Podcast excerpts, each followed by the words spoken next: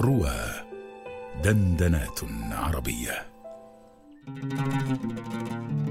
فيما يرويه عن ربه. مع إسراء جلبط على رواه.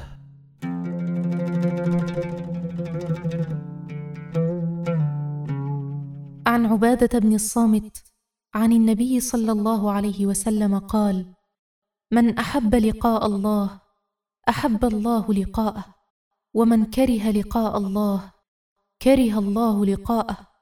قالت عائشة إنا لنكره الموت. قال ليس ذاك.